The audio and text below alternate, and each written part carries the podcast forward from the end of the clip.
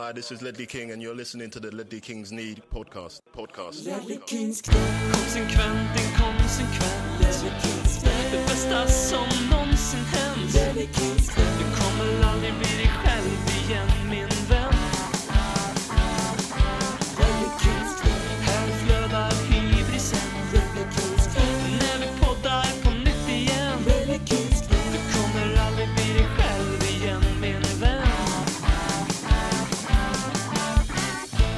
Du lyssnar din eh, goda vana trogen på den lagomt sansade, lagomt vrickade satirpodcasten om champagnefotbollens uppfinningsmän i norra London. Det här är Lelle Kings knä, jag heter Robin. Innan vi drar igång veckans avsnitt så vill jag tacka för alla nomineringar som vi har fått i, till Guldskölden, som är Svenska fans stora journalistpris. Nomineringsrundan är nu stängd och just i detta nu så sitter enligt uppgift fyra mellanstadieklasser uppe på Svenska fans huvudkontor och räknar och validerar alla era nomineringar så att ingen använt sig av någon rysk hackerfabrik eller en hetsig svensk sekt bestående av mellanchefer som LFC på honom. Och om det är så att era nomineringar räcker så vet vi i veckan om vi går vidare till finalrundan och då är det röstning som gäller. Eh, men mer om det om och när det blir aktuellt. Någon som är aktuell, det är ju ingen mindre än eh, den Vancouver-adopterade betygskonsulten ifrån Sveriges 17 största stad, ingen mindre än kattälskaren som delar initialer med två tredjedelar av ett tyskt bilmärke, nämligen BM. Välkommen, välkommen. Jag tror jag undrar vart du var på väg där med, med initialer med ett bilmärke. Det är också en eh, sidospår här, men det är också en anledning till att eh, ett dubbelnamn inte kommer, eller trippelnamn i mitt fall, blir aktuellt vid mitt giftermål som kommer gå av stapeln vid något tillfälle. Kom, Då man kan min- inte ha trippelnamn, nej. Det, När då min fruga börjar på W, och då skulle ju mitt efternamn bli BMW, eller BMW som man säger det på. fan vad sjukt. Jag tycker du ska ta det. Jag hade bara du- förkortat. Ja, han kanske lyssnar på den podden, men det finns en kille som har döpt sig till Tottenham. Vad tycker du om det? Pajigt. Eller hur? Ja. Alltså, man har ju all rätt att döpa sig själv till vad man vill, men fan alltså. Nej, det skulle jag inte vilja. Säger jag som har tatuerat in Tottenham-klubbmärket, men det är väl typ... Det är en annan, Näst. sak, det är en annan sak alltså. Ja, väl det. Man får ju ingen uppmärksamhet på att ta en Tottenham-gadd liksom. Inte så pass etablerade är vi ju i Sverige. Eh, Men att döpa sig till en fotbollsklubb som förnamn, det, det, då får man ju uppmärksamhet. Och det, alltså det får man ju jättegärna göra om man vill, men jag, jag drar gränsen där. Däremot döpa barn efter spelare, det är, det är okej. Det är lite fint. Um, Gazzanigas frisyr. Vi såg bilder ifrån försäsongen som har dragit igång. Och vi såg då Paolo Gazzaniga i en manbun. Vad tycker du om manbuns? Uh, pajigt. Men uh, Paolo bär ju upp det som han bär upp allting. Det kan ju vara en av, alltså hans blick kan ju vara... Slå upp sängkammarblick på vilket, vilken ordbok du än använder. Och om det är inte, är inte en face peck på Paolo, då, är, då är, har man misslyckats med sitt jobb som ordfixare till ordböcker. Om man eh, inte orkar slå upp det, då kan man bara eh, för sitt stilla inre föreställa sig själv när Greger i Nile City är tillsammans med eh, Glenn Killing inne i en eh, säng. Nej, det, är- det är inte Glenn Killing han är med. Är, är det någon annan? Men eh, det är någon karaktär som spelas av Henrik Schyffert i alla fall när de är i en sängaffär. Och eh, han buttar ner denna i, i sängen och sen så står Greger bakom skynket och, och viskar Papageno, Papageno. Där kan man också tänka sängkammarblick. Men jag bara tänker, hur står den sig mot andra kända manbands? Har Gazzanigas manband potentialen att bli typ som Zlatan? Han fick ju sig en staty, nu är inte den kvar, men den statyn var ju avbildad med hans manband. Um, sen har vi Gareth Bale, så jag tänker direkt på Gareth Bale när jag tänker eh, Manbun. Eh, vi har ju eh, Virgil van Dijk som faktiskt har en Manbun, lite tajtare typ av manbun. Eh, Firmino har ju alltid kört en liten Manbun som liksom spretar uppe på toppen så att säga, som inte är den klassiska lilla kulan. Ehm, tror du liksom Gazzaniga har potential här att skapa någonting som man blir ihågkommen för, eller kommer ga- försvinna? Den har väl levt sedan samurajernas tid, om jag inte är helt ute och cyk- cyklar. Så att, eh, han är ju mer Shogun eh, Tokugawa eh, snarare än vad han är än vad han är Gareth Bale som också hade några bald spots i sin manbun. Mm. Så att om, det är, om man ska landa någonstans i hans frisyr så är det väl ändå att han ger den ett, han, hed, alltså han höjer ju statusen på att ha en manbun. Men samtidigt så påvisar ju han också med sin löjligt fotoge- fotogeniska utseende att eh, manbun är ju liksom, den blir ju ono- uppnåelig för oss vanliga dödliga nu. För när Bale och Zlatan ro- rockade den då kunde man känna fan, kanske vem som helst kan ha lite manbun här liksom. Mm. Eh, Men eh, när Gazzaniga kör den då inser man ju liksom att nej, det är ju bara snyggt för att han är overkligt snygg. Och eh, kommer ju inte ha några problem att hitta fotomodelljobb efter karriären. Eller kanske redan nu när han uppenbarligen är i en djup, djup depression och behöver göra en medelålders hårförlängning för att hantera pressen från långnacke Hart. Just det. Såg du Champions League-finalen? Faktiskt, det gjorde jag. Vad är, har du någon kort reflektion på det? Eller för, först och främst, vet du vilket det enda laget, eller vet du vilket lag som gjorde flest mål på Bayern i årets Champions League? Tottenham Hotspur, Såklart. fotbollsklubb. Ja. Ja, det var inte så jävla illa att få stryk med 7-2 mot de jävlarna. Det, det var, sjukt nog så var det ju faktiskt en jämn match det som gjorde 5-2. Sen så var det ju Mm. inte så roligt längre. Eh, Nej, men det, en kort reflektion där är ju att eh, alltid trevligt att se PSG förlora. Eh, alltid trevligt att se Neymars tårar efter en match. Eh, En sak jag reagerade på var Alabas eh, som stod i alltså, minuter och tröstade Neymar snarare än att fira med sina lagkamrater. Och det är väl fint på ett sätt, men jag började faktiskt likt Håkman lite grann kände jag. Det kanske är åldern som börjar spöka. Men att jag blev lite irriterad på Alaba som stod så länge och tröstade en motståndare istället för att fira med sina gubbar. Jag såg framför mig Harry Kane stå och klappa om tokfloppen Pepe efter att vi piskat Arsenal i Europa League-final. Alltså står stå liksom Kane där och tröstar någon Arsenal pajas för att använda barnvänliga ord. Det här är Det ju skulle inte ju en faktiskt 18 vara... eh, Det skulle ju faktiskt inte vara så trevligt. Det skulle passa in i din bild av honom, all- däremot som du beskrev i förra avsnittet. Ja, och då, och då ska man... ja, Vi fick ju lite kritik för det där, för det var ju någon som... eh, Vi, vi, Jag fick lite kritik för det där.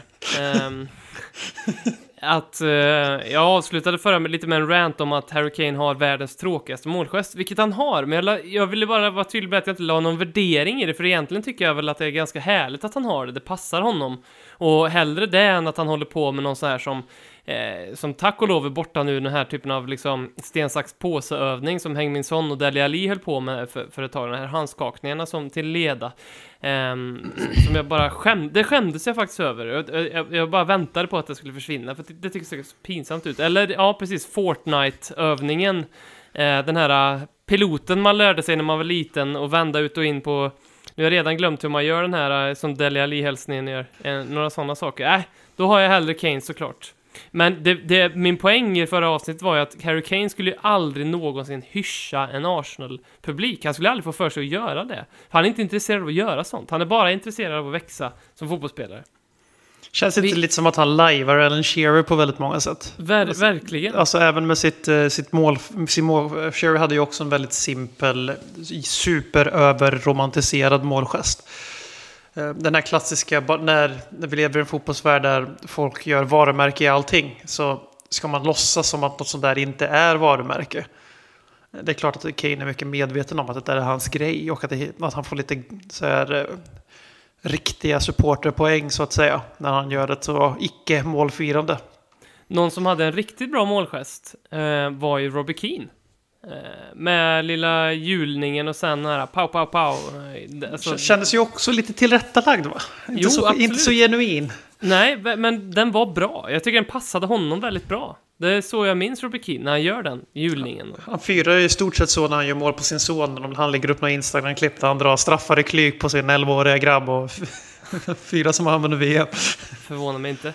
Anton Granat undrar om vi hade bytt förra årets finalplats i Champions League. Ja, det är sant. Vi var i Champions League-final förra året, det är lätt att glömma. Mot en titel i årets plojturnering utan publik. Eh, Fan vad lätt det är i efterhand att säga nej, det hade jag inte gjort.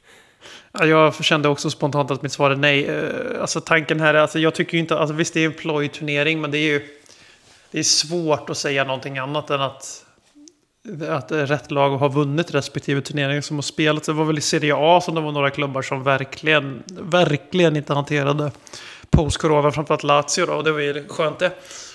Men eh, Lazio rasade ju som ett korthus. De var ju med i liga-racet fram tills corona. Mm. och, eh, men annars, alltså, om det är någonting corona har lärt oss så är det väl ändå att, vi, att fotboll är ganska, alltså publiken är ganska överskattad på fotbollen för sett till kvaliteten i spelet. Det var som vi så pratade om förra veckan också. Att det som märks tydligt är att de här forceringarna inte riktigt händer. För att man inte mm. bärs fram om någonting. Men annars är det så. Det märks ju på spelarna. Det märktes jättetydligt igår att de sket totalt att det inte var någon publik där. Mm. Men det är, jag tror att som supporter, för jag, jag, jag gillar frågan på det, för att den, den blottar ett faktum av att den toppen man når emotionellt av när Lucas Mora gör det där målet i 93 minuten. Jag tror att man någonstans har en, en liksom sån här äh, hastighetsmätare på sina egna känslor internt, så man förstår direkt att okej, okay, den slog i, i topp där. Om vi skulle vunnit Champions League-finalen igår, jag skulle vara jättelycklig över det, men den skulle nog kanske inte toppa det ändå, för det är inte riktigt samma grej i år. Det känns som en Audi Cup-turnering på något vänster. Um, I och med, alltså allt, i och med att det inte, det, det, var, det var inte dubbelmöten i, i finalen, det var ingen publik på plats, det spelades eh, på eh, neutrala arenor, All, allt det där tog, tog, bort lite av den, och det, det jag tror hände med, med, med mig som supporter, jag hade ju såklart velat vunnit Champions League, men det känns som att jag vill inte byta bort Lucas Mora-glädjen, för jag tror inte att jag skulle blivit gladare om vi hade vunnit den igår, än vad jag var då. Jag tror det är det som spökar lite grann i Cocktailen? Jag tror det är svårt att föreställa sig faktiskt eh, hur, hur det skulle kännas att ha vunnit.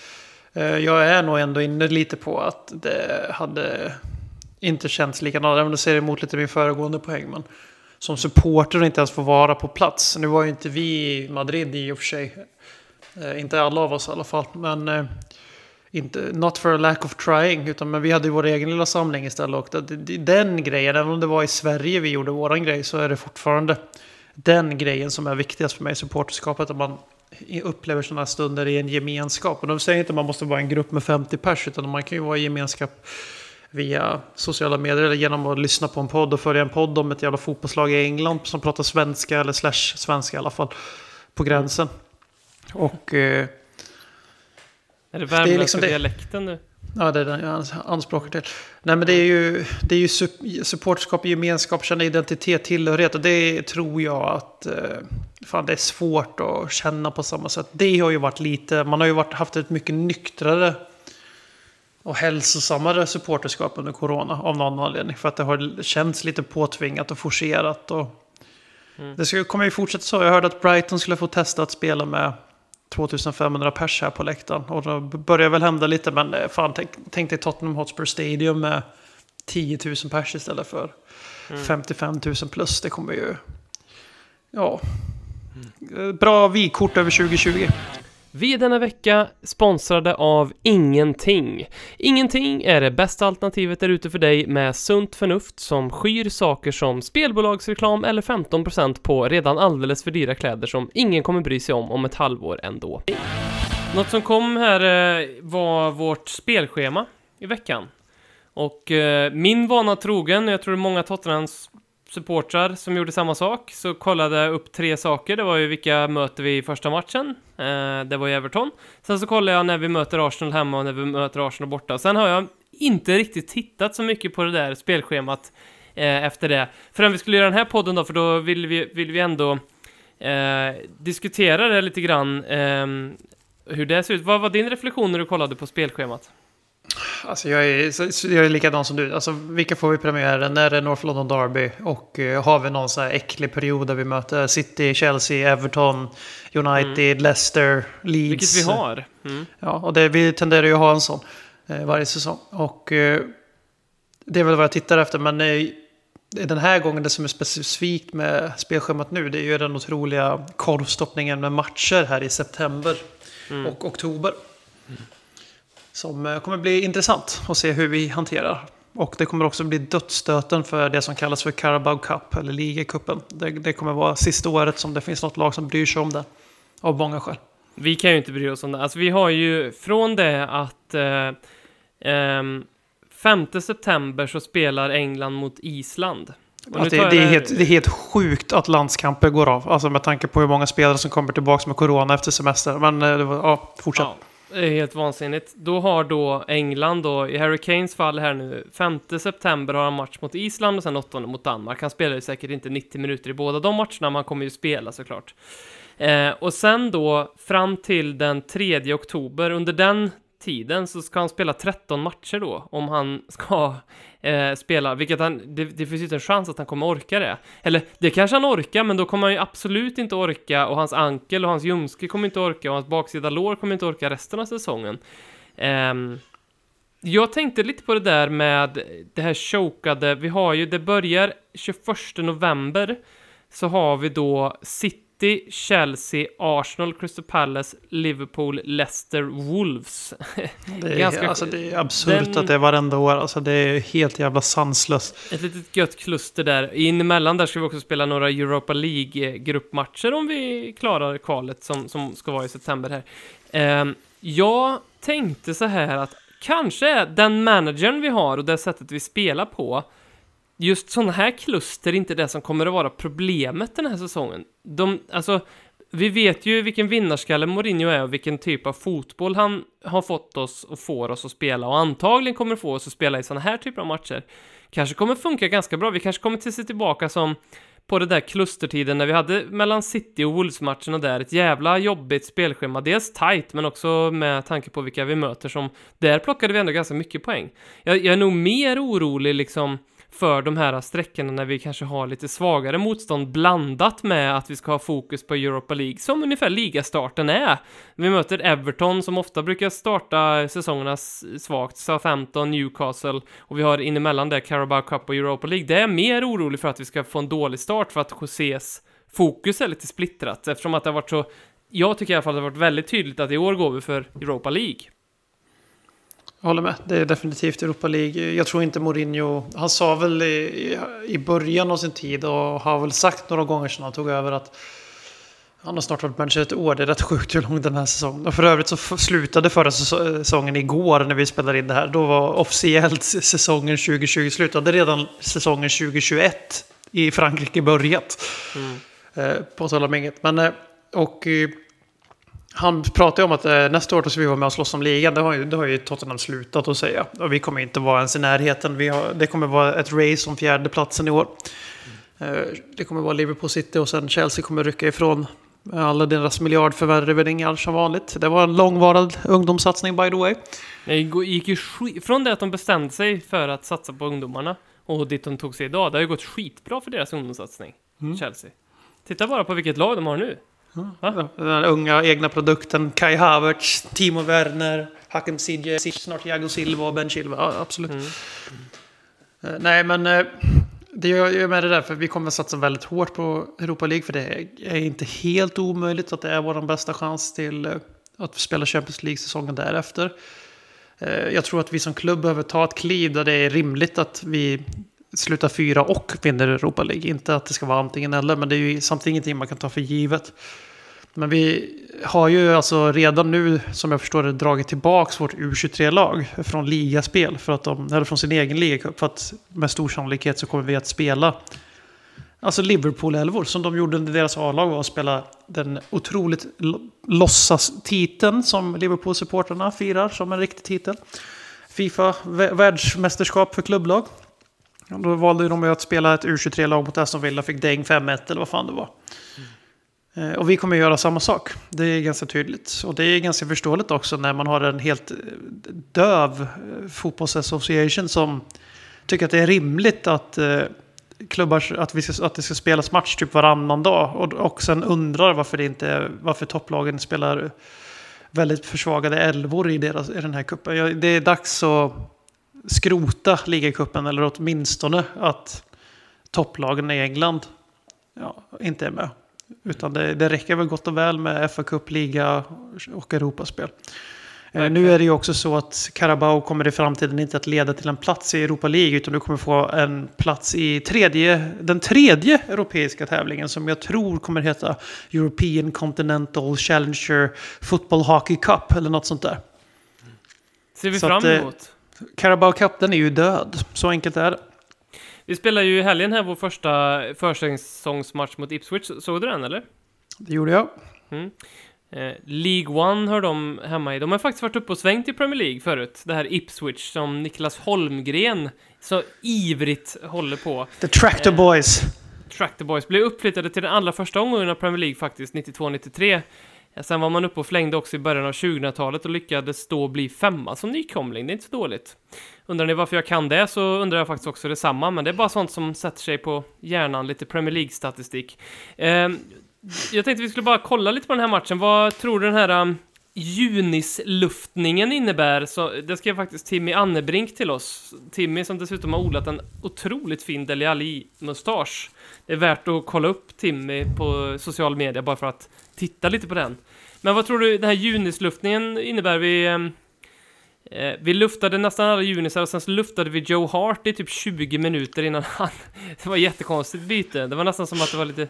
ehm, men eh, ja, Alfred Devine, Dane Scarlett, som låter som en eh, karaktär ifrån det här eh, Cluedo-spelet som jag spelade när jag var liten. eh, Must, Col- Colonel Mustard och... Eller typ i den här, eh, den här Riverdale-serien som går, finns på. Netflix. Där har vi, där Dane har vi en Scarlett. Dane Scarlett. Vi har ju också Dante Casanova, han spelar ju inte nu, men han spelar i vårt eh, ungdomslag. Eh, också ett fantastiskt namn. En poddfavorit.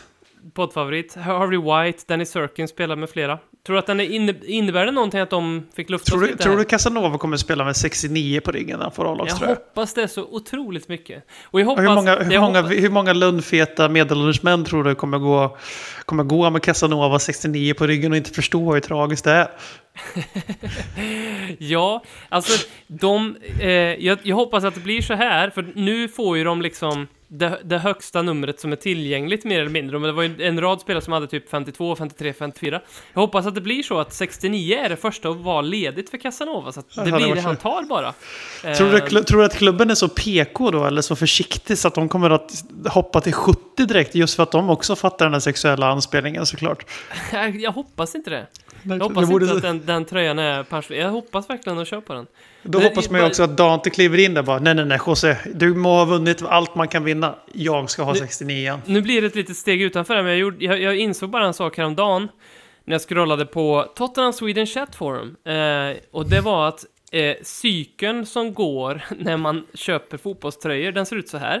Man får sin första, eller köper sin första fotbollströja eh, när man är en ung grabb. Och då trycker man sitt eget namn eller sitt efternamn där bak. Eh, och sen så går Nej. det några år och så trycker man ingenting. Eller så trycker man spelare och så gör man så ganska lång tid. Tills ungefär kanske man fyller 40. 40 är lite tidigt, men kanske 40 eller så fyller man 50.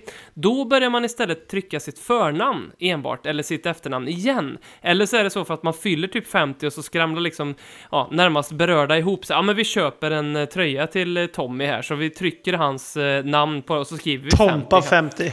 Och då, det som händer sen då, det är att de här Tompa och de, de har ju några känningar, några kontakter som är i samma ålder, som åker då på någon Tottenham-match. Alla tar med sig sina tröjor, som det står typ Tommy 50, Hasse 70 på, på ryggen, och så tar de ett kort utanför arenan allihopa. Dronten sänkt 69. kanske t- Dr- Dronten 69. De har sänkt en 3-4 öl, så tar de det kortet där. Och det är så cykeln för tröjköp ser ut. Ehm, det är bara span. Det här, det här är liksom inte, det här är ingen värdering i, utan bara ren, ren fakta och ren vetenskap. Någon som, eh, jag är ju tröjsamlare, jag köper ju motvilligt med en spelare på ryggen varje år. För att man känner ju, jag hade, första Nike-tröjan köpte jag utan och det var egentligen, det kändes, fan det är så här det ska vara, man ska inte ha spelare på ryggen. Det är matchtröjan man vill ha till samlingen. Mm. Eh, sen Harry Kane gör det svårt för mig varje säsong. Eh, jag skulle vilja ha 15 Kane-tröjor för varje säsong han gör med oss. Men Eh, jag fyller ju 30 i den här säsongen som kommer så man fick ju agera proaktivt där och så klicka hem en Tobi Alderweireld samma sekund som det gick att köpa tröjan i stort sett för att vara säker på att jag inte får en BM30 här i, i, i april. Men det, då har å andra sidan eh, dina respektive vänner 40-årspresenten kirrad, så att du får ju vara tid, tidigt ute då också. Du får ju tänka så, det, varje gång 40-50, du får ju tänka nu liksom. Det, blir, det är ju så här det kommer bli. På tal om 40, det är ungefär hälften av så, dubbelt så många minuter som Joe Hart fick. Som vi, vi var inne på den här Ipswich-matchen, vi fastnade aldrig riktigt i den. Men det, vi, kan ju börja i den. Mm. vi kan ju börja i den mest absurda. Det är ju den här att man spelar Hugo Lloris en halvlek och sen så får de reservmålvakterna dela på den andra halvleken. Nej, vad var det liksom? Vi ska ju spela fler träningsmatcher, kunde de inte fått varsin halvlek i en av tre matcher? Eller? Kan, då kan jag få en match var. De är tre stycken. De kan få en hel match var dessutom. Ja, där tror jag faktiskt... måste man ju inte byta liksom. Eller? Jag blev lite förvånad, nej jag tycker inte heller det, men jag- blev lite förvånad över att vi spelade ett så starkt lag som vi ändå gjorde, alltså så starkt vi kunde med alla som var i coronakarantän och allt vad det är. Eh, Men sen så insåg jag fan att ja, de har ju haft semester i två veckor ungefär grabbarna, lite mer kanske. Eh, Men vi spelar ju för fan tävlingsmatch om tre veckor. Mm. Eh, lite mindre. Och eh, jag tror att vi kommer få se ganska starka elvor. Kanske inte den där back-to-back situationen vi har till helgen då, men att vi kommer få se ett väldigt ordinarie lag som får mycket speltid. Och att Loris kommer att spela en del av varje, varje match. Just vi ska vara ready to go när ligan av eh, Premier League, eller förlåt, Europa League sätter igång. Men eh, just det här, alltså när man såg, man såg att de skulle byta målvakt igen. Man vad i helvete? Alltså, så att jag tänkte så här, han har att röra bollen? Nej, jo, Jag tror inte han nej. gjorde det faktiskt. Jag tog en, en inspark kanske. Ja, Vi såg ju, eh, Jesper Stenberg skickade in en fråga här, vi såg ju Jedson Fernandes som högerback. ehm, vilket jag tror någon i Parrots Pågar har varit inne på att han... i- Är det jävel på på FM? Ja, precis. Eh, på FM. Och att han gjorde i Benfica, tror jag. Så att jag, det kan till och med vara så att om man spelar FM, att Jedson Fernandes har eh, en, en liten grön eh, ring på att han kan spela högerback. Eh, vilket ändå, det är så svårt att bedöma mot Ipswich, men som ändå funkade väl ganska bra, eller? Det, var ju, alltså det ju, kan ju välja att säga det så här att han är ju en in, spelare som är på lån ett och ett halvt år och han har ett, en säsong kvar kan man säga. Sen får vi se, det tar väl slut mitt under den här säsongen. Då. Eller jag vet inte, de försöker väl komprimera den så den är slut. Den skulle ha varit slut kanske. Han är ju långt ifrån eh, ordinarie någonstans. Och om det är någonstans vi behöver förstärkning så är det på högerbacken. Och det är ju ärligt talat den lättaste platsen i vårt lag att slå sig in i.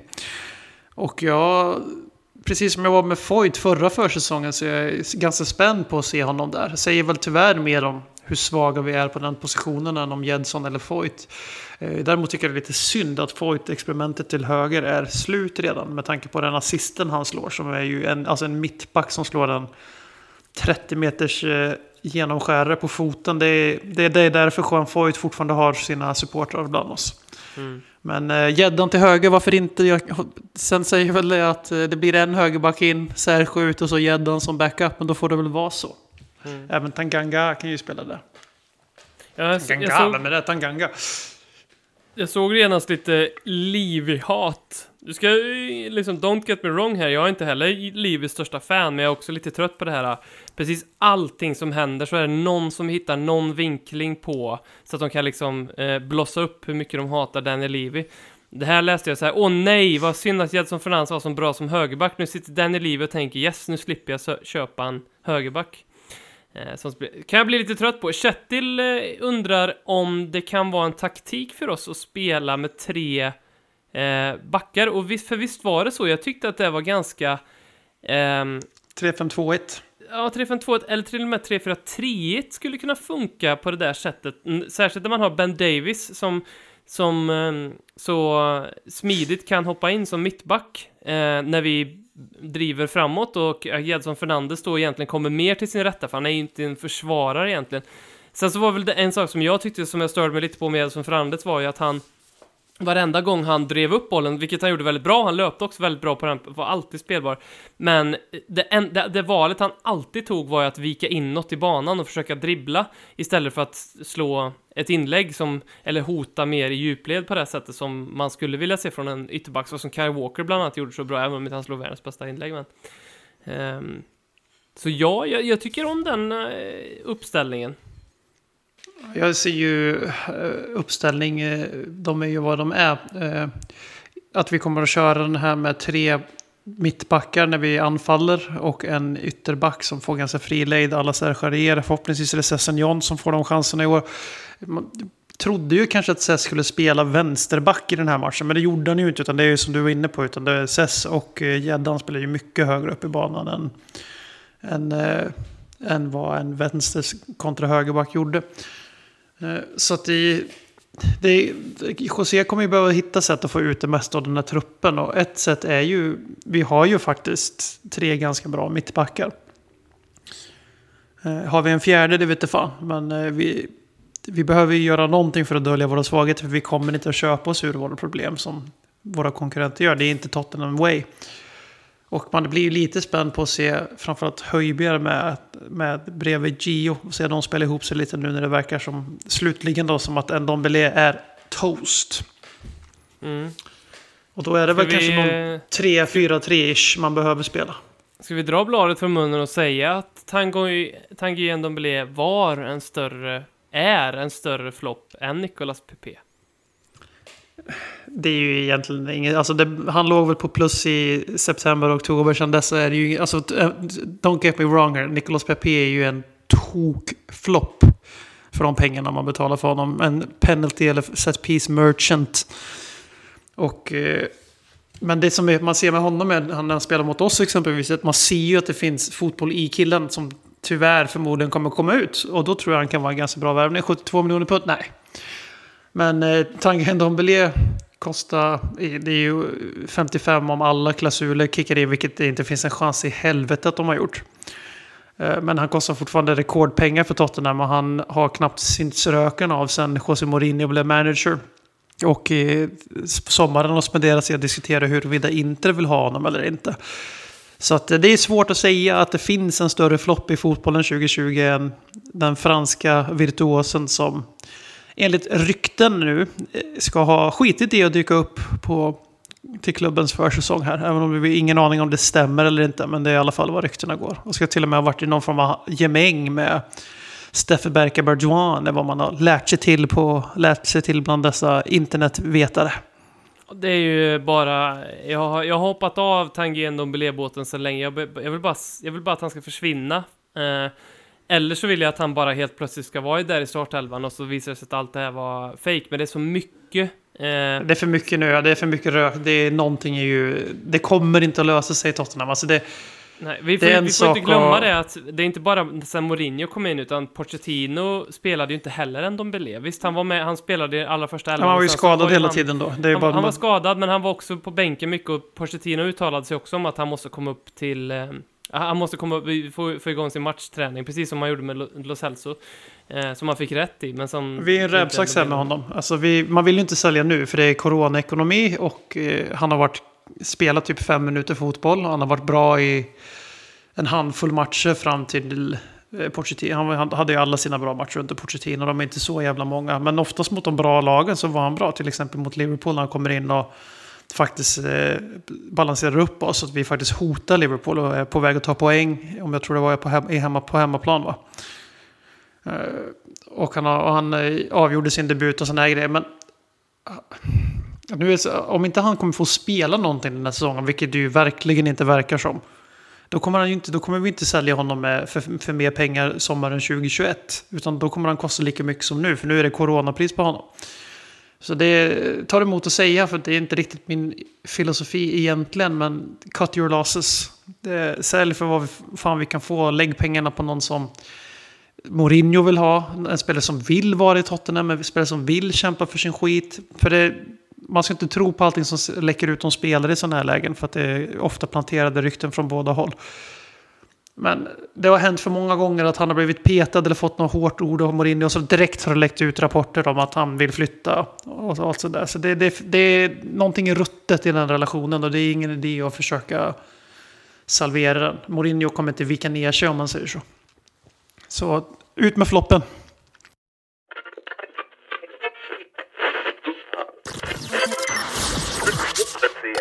Du lyssnar på Ledley Kings knä. Du kommer aldrig bli dig själv igen.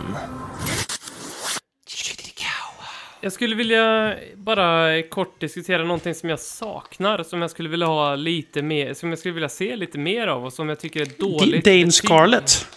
Ja, Dane Scarlett och Dante Ja, fan het i sitt inhopp.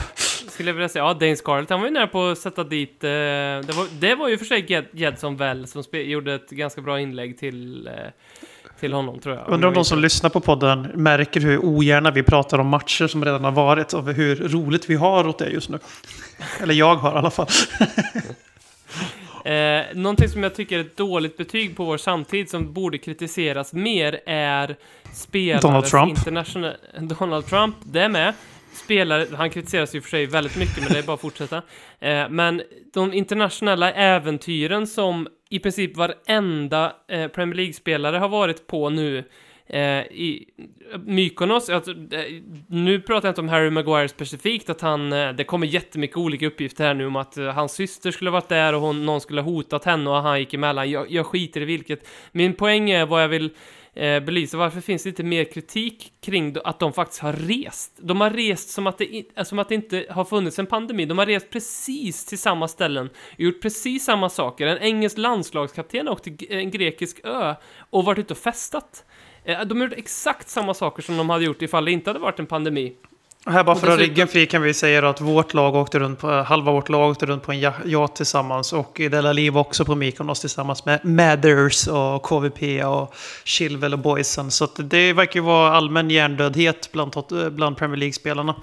Och varför Och är det håller- ingen som kritiserar det här? Varför är varför, alltså kolla bara på eh, vad mycket man gör i samhället, vad mycket fotbollen ändå, även om det är, i, i, kanske inte har Särställningen den har fått men, för att det skulle gå att genomföra menar du? Ja, men, men alltså tänk vad, vad många olika speciella, alltså olika konstiga ritualer och regler det är nu med corona för att fotbollen ska få spelas. Men sen så är en sån grej så här, ja men stick ut ni allihopa, varsågod, stick ut i världen så kommer ni tillbaka så ska vi dra igång fotbollen här. Det blir lite som att liksom så här, stressa i en bilkö fram till något ställe där man ska sitta och göra yoga i 30 minuter och sen stressa hem. Det blir liksom, ni missar liksom det, det vitala i, ni missar Vilken den jävla stora grejen. liknelse! Ja men du förstår vad jag menar. Den var klockren, jag Vart- förstod det. Var, vart, det är hyckleri liksom. Ja, jag är, ja, ja, absolut. Och sen är det så här, ja, alltså jag förstår. De har samma jävla rätt till semester som alla andra. Och de har lite mer medel än oss. Så de har säkert rest ganska säkert jämfört med oss vanliga dödliga privatflyg eller vad fan det nu har varit. Hyra en yacht som man egentligen inte träffar så mycket folk kanske. Absolut. Och de, det är klart som fan de förtjänar detta. Det som har hänt här är ju jätteenkelt. Världen har ledsnat på att leva i en pandemi. Och vi tror, vi har någon form av hysterisk gudkomplex just nu som mänsklighet. Där vi tror att den här pandemin den är över och eh, den har varit så länge nu. Så att eh, det handlar om huruvida man har munskydd på sig i skolan eller inte. Det är det enda som spelar någon roll. Eh, istället så kommer det ut rapporter om att vi har första bekräftade personen som har blivit smittad av viruset två gånger för att viruset muterar, för det är vad virus gör. Därför vi har influensa varje år, därför vi blir förkylda allt för jävla jämnan. Så jag kan ju tycka att det är liksom så här, ja, de, det är klart som fan de ska få ut och resa. Alltså egentligen, alltså, de är ju människor som alla andra. Men det, det är lite smaklöst att göra det när man vet att liksom, tusentals coronatest används till fotboll för att fotboll ska spelas. För att lyfta moralen hos folket. Jo, tjena, det har inte ett skit med att lyfta moralen hos folket att göra. Det enda syftet att Premier League spelar och spelar, alla ligor spelades var för att pengar ska in. Tv-avtal måste säkras. Annars går klubbar under. Och det fattar jag att det är klart som fan att klubbar, jag inte vill att klubbar ska gå under. Men man Och blir... är det inte, alltså är det inte jävligt, alltså Harry Kane, han sitter ju liksom i karantän nu och han kan inte vara med på försäsongen för att han vill åka till Bahamas. Ja, det är, som sagt, det här, Alltså, sådana här saker, eh, det, det är ju absurt. Alltså, det är ju... Ja, men är inte det ens, inte det ens sjukt att liksom klubben säger men vad fan tror du? Du, ska vara, du, vi, du är anställd här, det, då börjar vår försäsong, då kommer du tillbaka, vi skiter i vart du är, men då är du här. Nej, då sitter han i karantän. Det, Halv, halva, laget, halva laget sitter ju i karantän. Så jag, Jag nej, menar, men, vad är det för taktlöshet liksom? men det, är- lite det som är grejen. Alltså, det, det, det, det, det sticker lite i ögonen för att eh, det här är ju ett virus som bara kom, kan be, alltså begränsas genom att man visar varandra respekt i samhället. Eh, sen finns det säkerligen, säkerligen forskning vid det här laget som visar att lockdowns och sånt är ganska effektivt eftersom det forcerar en icke-spridning, alltså man inte träffar människor. Eh, men den svenska linjen som är vad den är eh, har ju blivit otroligt kritiserad för att man går på mycket så här medmänsklighet och allmänt sunt jävla förnuft. Och så ser man det här samtidigt. Och så, kolla på fotbollsspelare överallt i Europa nu som kommer tillbaka från sina semestrar. Eh, Bolognas manager, cancersjuka Sinisa Mihailovic, jag vet inte om han är friskförklarad eller så. Corona när han kommer hem från sin semester. Och flera fall till i Serie A konstaterade. Och vi vet ju vad det här betyder. Den här säsongen kommer bli exakt som förra. Alltså det kommer vara coronahot hela tiden. Det kommer komma ut någon rapport om att Tottenham spelar träningsmatch mot någon som hade corona som vi gjorde här om sisten. Eh, och eh, det är en sån onödig risk att ta. Och sen, ja, de har rätt till semester. Det är säkert en facklig förhandling för deras semester blir mycket kortare än vad den skulle ha varit. Men om det är någonting vi ser här så är det ju viljor som vägrar att vika. Så det kanske inte spelande är det stora uttryck för. Utan det är ju det här, den här drömmen om att vi ska kunna ha Nations League. Den här påhittade landslagsturneringen för att träningsmatcherna ska betyda någonting. Eh, vilket de fortfarande inte gör. Eh, vi ska spela EM 2021. Det ska, säsongen ska firas av på en månad kortare tid. Men eh, om man ska ta bort vinteruppehållet som man precis har infört. Allt, you, you name it. Man ska börja resa runt i Europa och lag ska bli diskade om, om, man inte, om ett motståndarlag inte får komma in i landet på grund av karantänregler. Så ska ett lag bli diskad och sådana här grejer. Man, det blir bara fler och fler saker som sticker i ögonen på att fotbollen får den här jävla gräddfilen i den här globala kris som drabbar alla och kanske drabbar fotbollsspelare minst av alla. Kanske inte riktigt, men de är ju inte högst upp på listan av de som har det värst i en pandemi.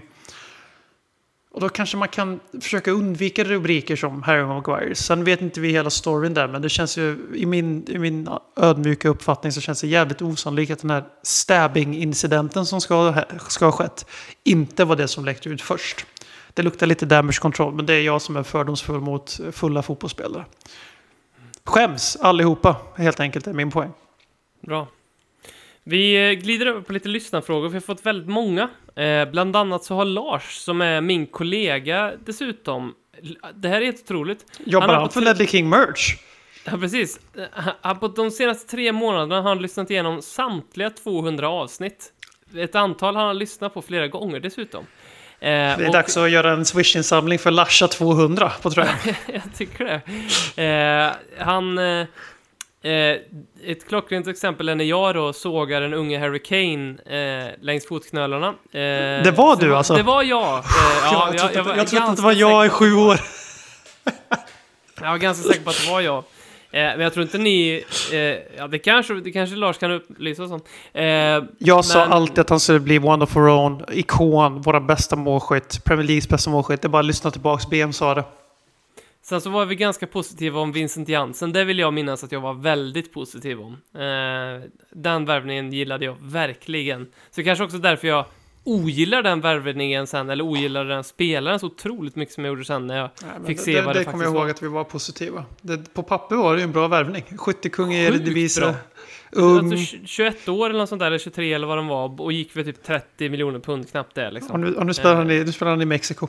Det kan man inte lasta Livi för, det var en kanonvärvning faktiskt. Sen att det var dåligt scoutat, ja vad ska han göra? Sen så hade vi spekulationer om Dele Alli också, om sån skulle hålla måttet. Eh, och det som Lars vill att vi gör, och det tycker jag verkligen vi ska göra, inte i den här podden, men i en podd närmare det att eh, säsongen drar igång, så det blir ju faktiskt ganska snart. Eh, med att vi alla tippar eh, Premier League-tabellen så att vi kan gå tillbaka på det. Eh, men sen också att vi kan göra lite andra spaningar om vem vi tror blir säsongens eh, vem som får något genombrott eller vem vi tror vi kommer eh, Tottenham slutar sexa. Eh, Coco Lamela gör 15 baljer och eh, Dane Scarlett blir nästa tröja på Håkmans rygg. Dante Casanova 69 får ett inhopp eh, mot slutet på säsongen. Och eh, ja. Där har vi fyra på off-rip. Får se om vi kommer med några bättre pålästa nästa avsnitt eller två.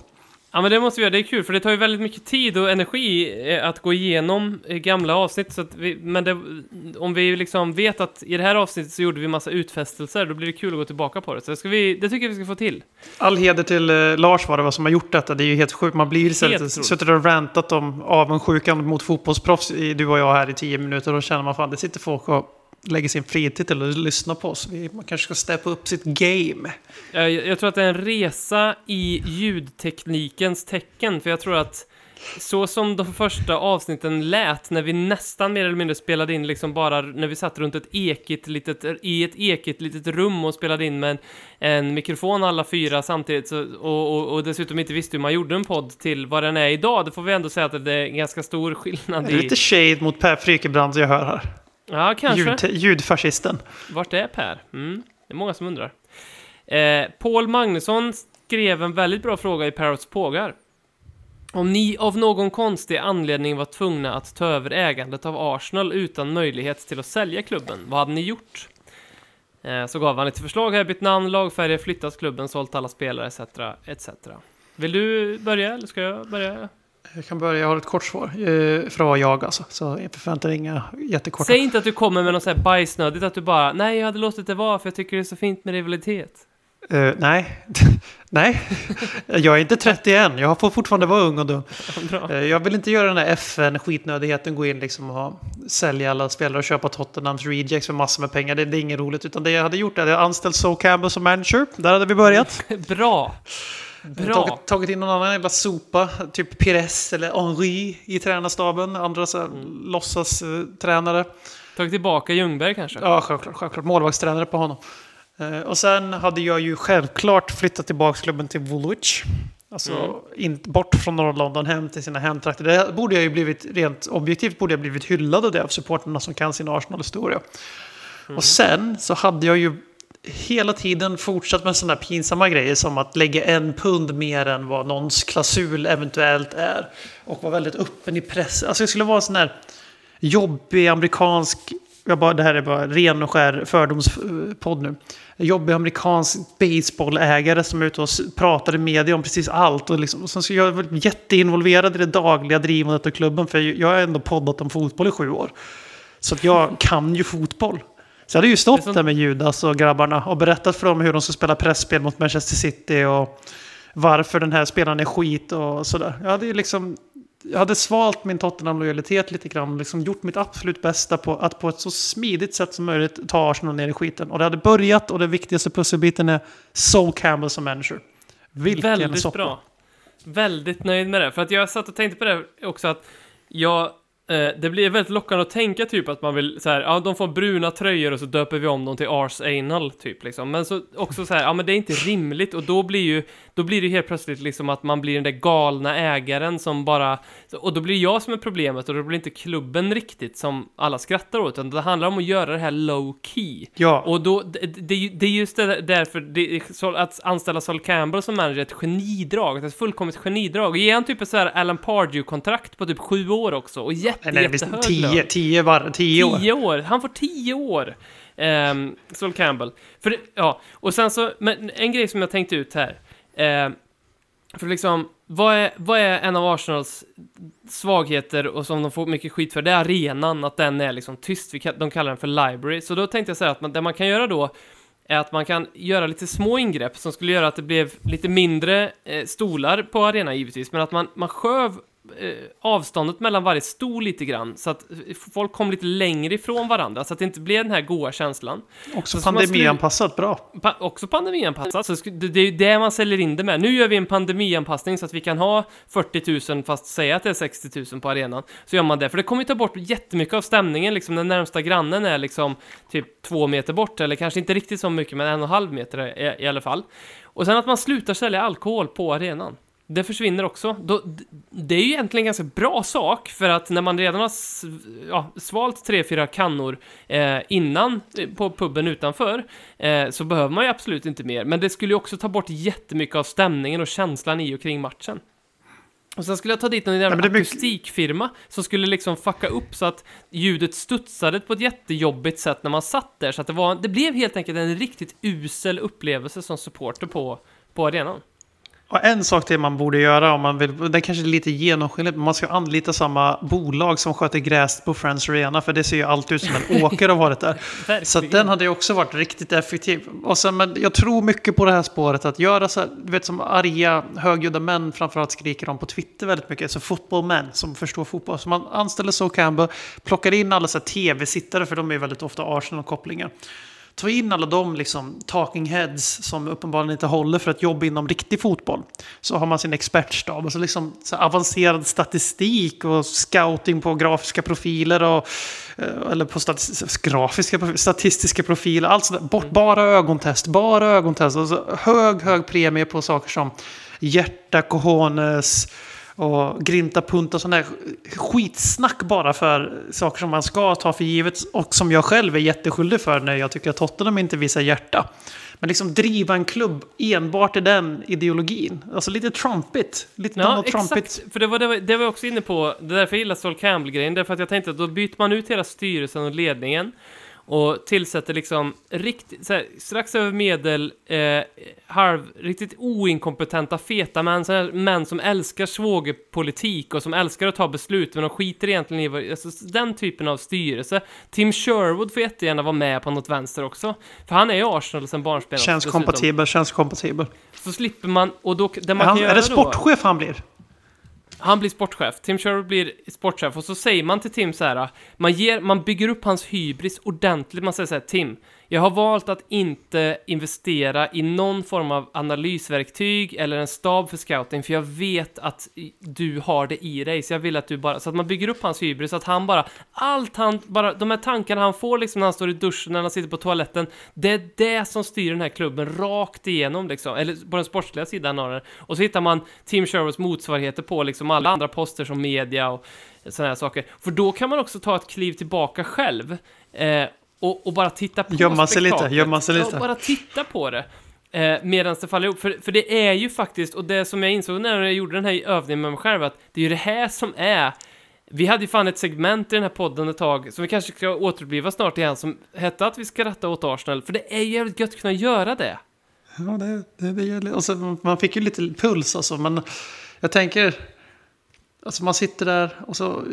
Man vet vad blidcafé så man vet ju vad man själv vill ha när man tycker att någonting är fel med klubben. De är inte så intresserade av en lång 15-sidig pdf där man pratar om filosofi och framtidsplan. Utan man vill ju bara ha det enkla liksom. Köp den här, köp den här, köp den här. Exakt. Så det man gör är liksom att man kollar, man letar runt i Europa och så ser man bara den här, den här spelaren skulle tillföra absolut ingenting. För vi har redan en fantastisk anfallare tyvärr.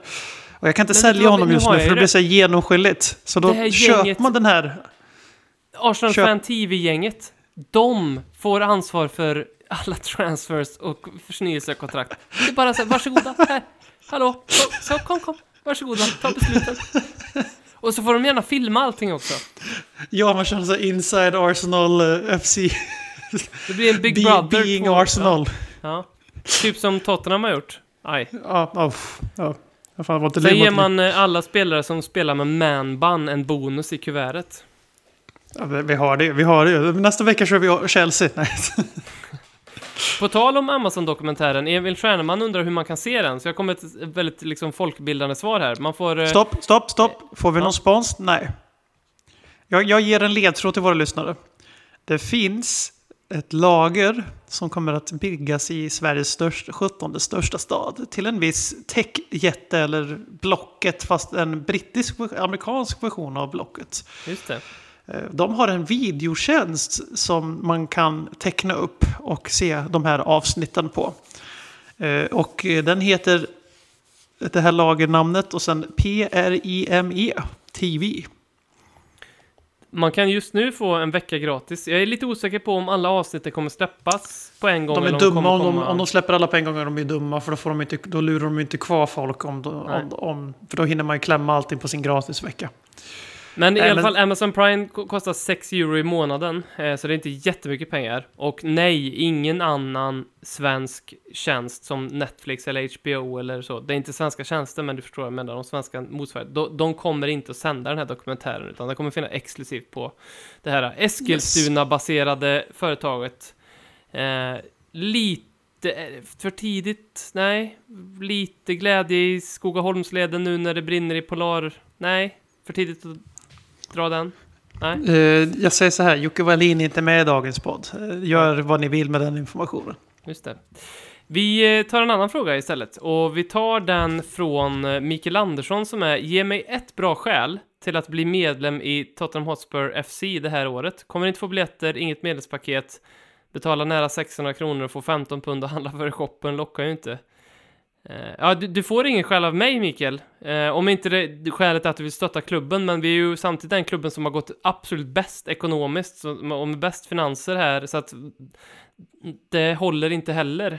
Jag vet inte om ett med, jag vet inte, jag har inte varit, jag är bara medlem då när jag ska gå på match, så tecknar jag upp mig och jag, eh, då är det knappt att jag behöver bli det heller, utan det räcker med att jag har mitt sån här, eh, mitt ID där så kan jag bara tanka över biljetten på den. Ehm, jag gläder mig inte speciellt mycket över de här medlemspaketen heller.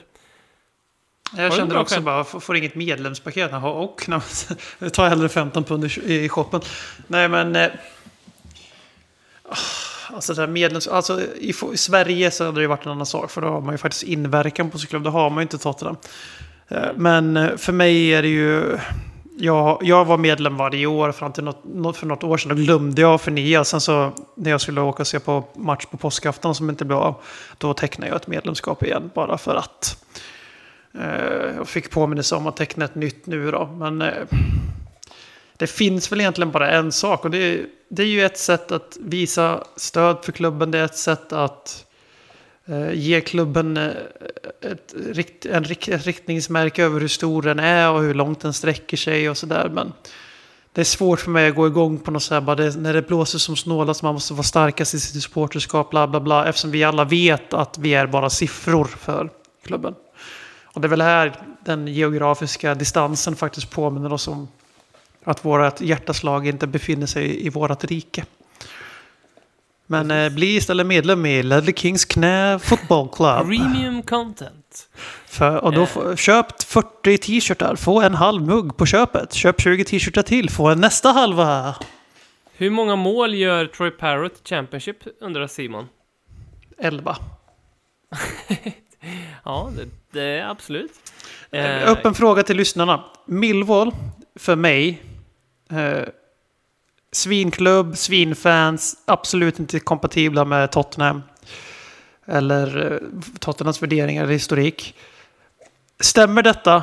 För annars så ser en tröja som det står Husky Chocolate på bröstet och Parrot på ryggen känns ju som någonting riktigt fint i samlingen. Men det är viktigt att de inte är så sviniga och West Ham-lika som jag tror att Millwall är. Så ni som har, känner att ni sitter på info om Millwall, hit us up on the twitters at Leddy Kings knä.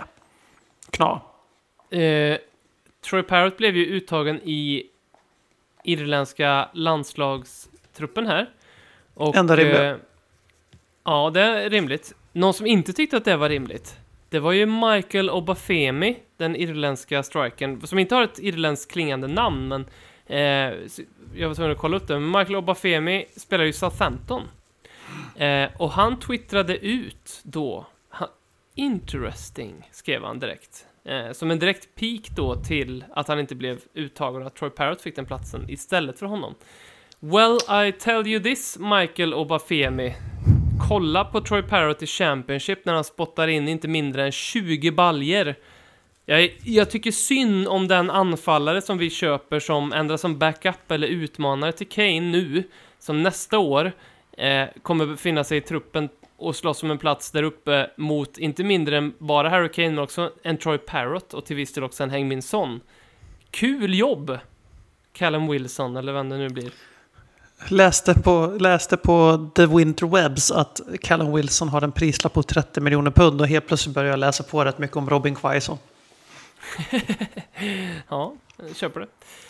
Eh, Sean Mellow Anthony, jag tror det är så du heter, eh, undrar om Delhi kan vara backup till Kane. Det experimentet har vi väl sett när Delhi var falsk nia. Eh, och det är väl bara att konstatera att ja, han gör väl inte bort sig där, men det är ju inte så vi kommer till vår rätt om vi ska ha Delhi som backup till. Han, han är ju en second striker. Han ska spela tillsammans med Harry Kane. Det är då han har varit som Mm. bäst. Han var rätt bra mot Ipswich, men det var Ipswich. Men det syntes lite på Dell att han vet att han har mycket att bevisa i år. Mm. Eh, Men eh, falsk nia, nej, då ser jag ju hellre Son som falsk nia om vi ska hålla på med det här hattandet. Att någon ska gå från sin starkaste position för att täcka upp för Harry Kane. Eh, Vi behöver en anfallare. Det behöver inte vara 30 miljoner pund Callum Wilson. När man kan säkerligen få Robin Quaison för hälften ungefär med hans utgående kontrakt om jag minns jag rätt där tror jag. Så att, Men kan vi inte bara... Fan, jag vill inte ha den här diskussionen om backup till Kane. Jag tycker det ser... så... Det är så, alltså, hej, välkommen, du får den här anställningen där du ska göra det, du ska täcka för den här personen. Vi vet att du har egna ambitioner om att bli jättebra på det här, men det, glöm det nu för att det är den här vi satsar på, så får du städa här lite i bakgrunden. Jag gillar inte det. Jag vill, jag vill hellre att vi värvar någon så, som, vi, som vi kan säga så här, okej, Harry Kane här, han är en av vär- världens bästa anfallare, ge mig en bra anledning till att bänka honom. Gå ut och gör det, för du, du har den möjligheten i, alltså den värvningen vill jag se. Eller som man faktiskt kan spela tillsammans med Kane och som kan bli någonting ja, det är egentligen den linjen man ska gå, absolut. Tyvärr så växer ju inte de här spelarna på träd. Nej, det är, ju, det är väl så. Ehm, på tal om lite anfallare så här då, Linux Holmgren. Eh, skrev och undrade vem som har mest karisma av Teddy Sheringham, Jörgen Klinsmann och Harry Kane. Klinsmann. Det måste väl vara det va? Men då ska man säga att han har inte så jävla mycket karisma heller. Men man, det är lätt att tro att han har det. För man minns målgesterna och de yviga rörelserna när han gjorde mål, det lockiga håret. Men mycket mer än så får man inte med Jörgen Klinsmann. Det finns inte mycket mer... Och Teddy Sheringham, han är i paritet med Harry Kane. Det är en tråkig jävel. Så att eh, det här är, det här är faktiskt tre ganska okarismatiska Men jag säger så här, om du går till, om, om- om du går, går till glasskiosken och de har bara vaniljglass, vaniljglass, vaniljglass, vaniljglass, vaniljglass, vaniljglass, vaniljglass. Och så, finns det någon vaniljglass med strössel på. Vilken tar du? Ja, då tar jag strösslet. Ja, alltså Jörgen Klinsmann. Mm. Ja, men så är det ju. Han är ju den av de här tre som har mest karisma. Han, är också, han, han var också rätt kaosig när han var inne i Hertha Berlin en sväng. Så han, är, han, är med, han, är, han har något som de här två otroligt, otroligt mediatränade gossarna Teddy och Harry inte har. Ska vi driva av den här också? Filip Tallberg, en drömvärvning. Jag tänkte Robbie Keane, men det känns kanske inte, han kanske inte är så aktuell. En drömvärvning till vet Tottenham vet Hotspur Football och nu pratar vi drömvärvning och det är verkligen drömvärvning för det kommer aldrig hända. Men det är ju Afonso Davis. Ja, den är, den är ruskigt bra. Den Tänk är vad bra ruskigt, ruskigt bra. i Tottenham. Eh, Jag hade inte börjat lipa om vi värvade Kimmich heller från Bayern München. Verkligen inte. Verkligen inte. Eh, Det ska inte vara realistiskt. Alltså, jag kommer inte på någon bättre än Afonso. Det hade varit vilken satans värvning det ska och han, Det känns ju inte helt omöjligt att vi skulle kunna snott honom när han spelade i Vancouver faktiskt. Verkligen inte. Som eh, hedersmedborgare i Vancouver så var jag ju givetvis tidigt på Afonso Davis-bollen här i Vancouver Whitecaps. Förstår jag. Han, sp- han spelade anfallare typ, tror jag. Kanske. Expedition Robinson som eh, Björn Hovenäs tycker att vi ska döpa om. Att vi inte har sett det här tidigare. Det är, det är så pinsamt. Han tycker att vi skulle döpa om det till Expedition Paul Robinson. Hur, hur har vi inte sett det innan? Jag, jag vet inte. Vi har inte sett det. Eh, så nu heter det här tävlingen, från och med nu heter den Expedition Paul Robinson. Eh, Nu den här gången får du börja för du överlistade mig förra veckan och tog ut Mm. en, av mina, en av mina kort jag ville ta hela vägen till final. Så du Mm. drar för lyssnarnas skull vilka som är kvar. De som är kvar, det är Toby, Sanchez, Winks, Kane, Lamela, Lo Celso, Dele, Skip, Tanganga och Ndombele. Han är Sen inte som- immun längre va?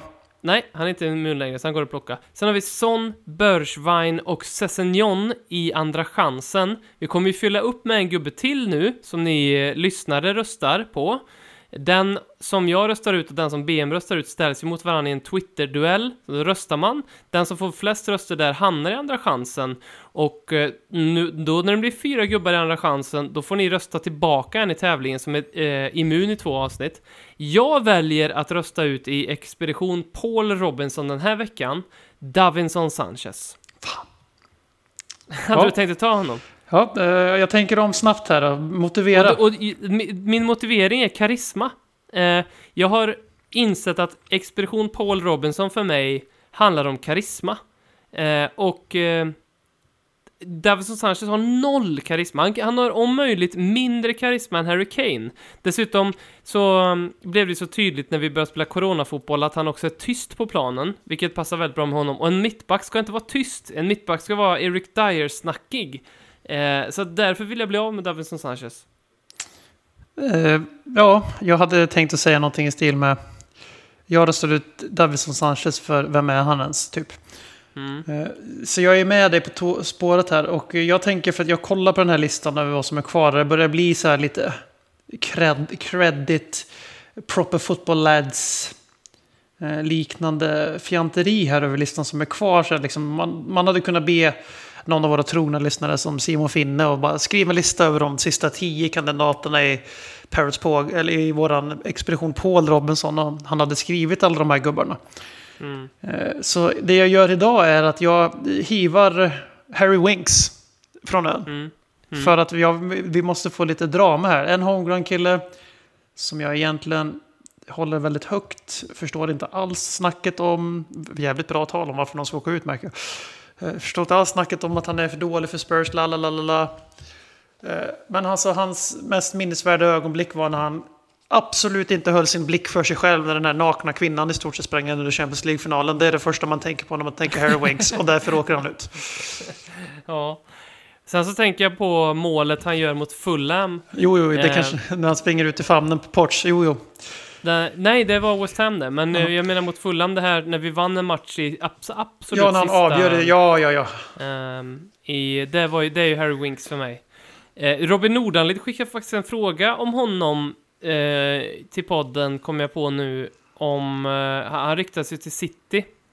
Eh, men och vi kan egentligen bara säga det att det, det, det kan ju inte finnas på kartan att vi ska sälja honom. Eh, alltså han är egen produkt och titta bara på hur mycket speltid han har fått av två managers som vi håller ändå ganska högt som Pochettino och Mourinho. Han är ju liksom ett av de första namnen på startelvan känns det som. Så att han är ju otroligt eh, uppskattad. Och varför ska vi sälja honom? För jag menar, okej, skulle vi sälja honom för 45-50 miljoner pund, det som skulle hända att vi skulle väl antagligen behöva köpa någon typ likadan spelare. Då skulle vi gå utanför Storbritannien och så skulle vi ta någon tysk och så tyck, eller fransman eller italienare eller spanjor och så tycker oh wow, spännande med en sån här Men vi har ju det i Harry Wink, så han kan ju bli, han kan ju bara bli bättre liksom. Han har dessutom spelat engelsk A-landslagsfotboll så Um, Ja, Man får ju i och för sig ett A-lands, eh, en A-landskamp för, för England i flingpaketet så fort man gjort fem Premier League-matcher. Declan, landsförrädare, Rice. Det var faktiskt eh, någonting som eh, Teddy Sheringham nyligen, var det Teddy Sheringham? Eh, för- Gå in och kolla på varje, vad han än lägger upp på Instagram och så läser ni kommentarerna och räknar antalet ormar som finns i Declan Rice kommentarer från upp, uppretade irländare världen över.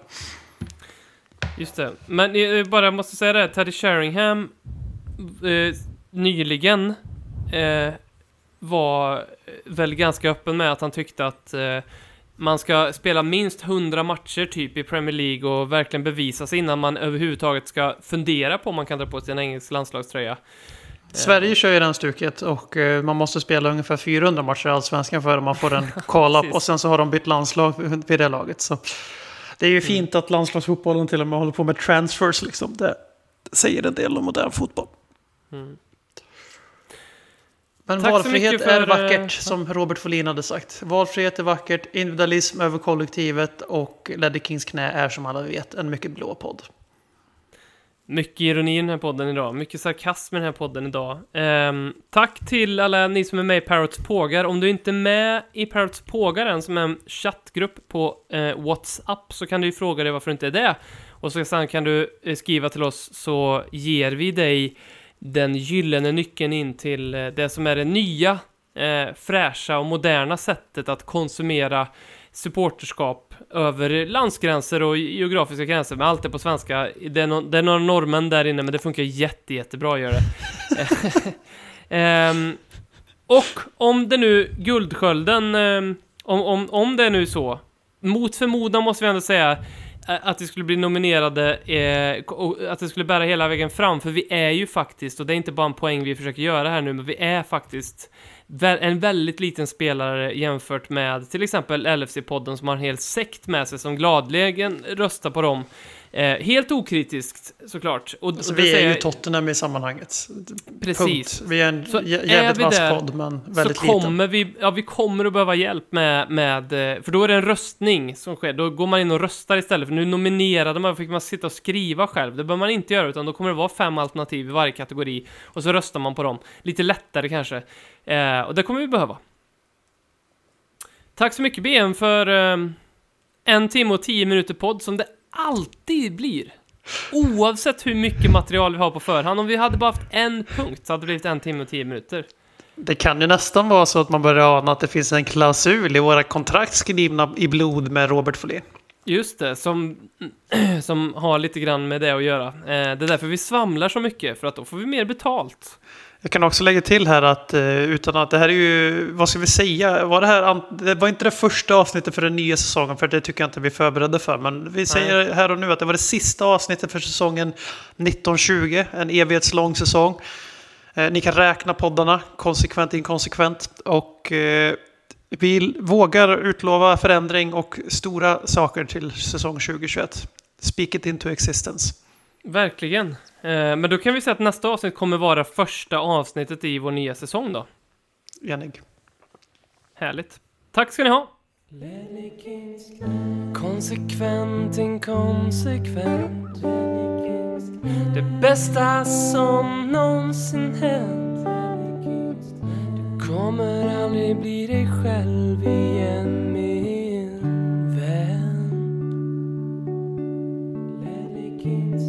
Här flödar hybrisen när vi poddar på nytt igen. Du kommer aldrig bli dig själv igen. Min.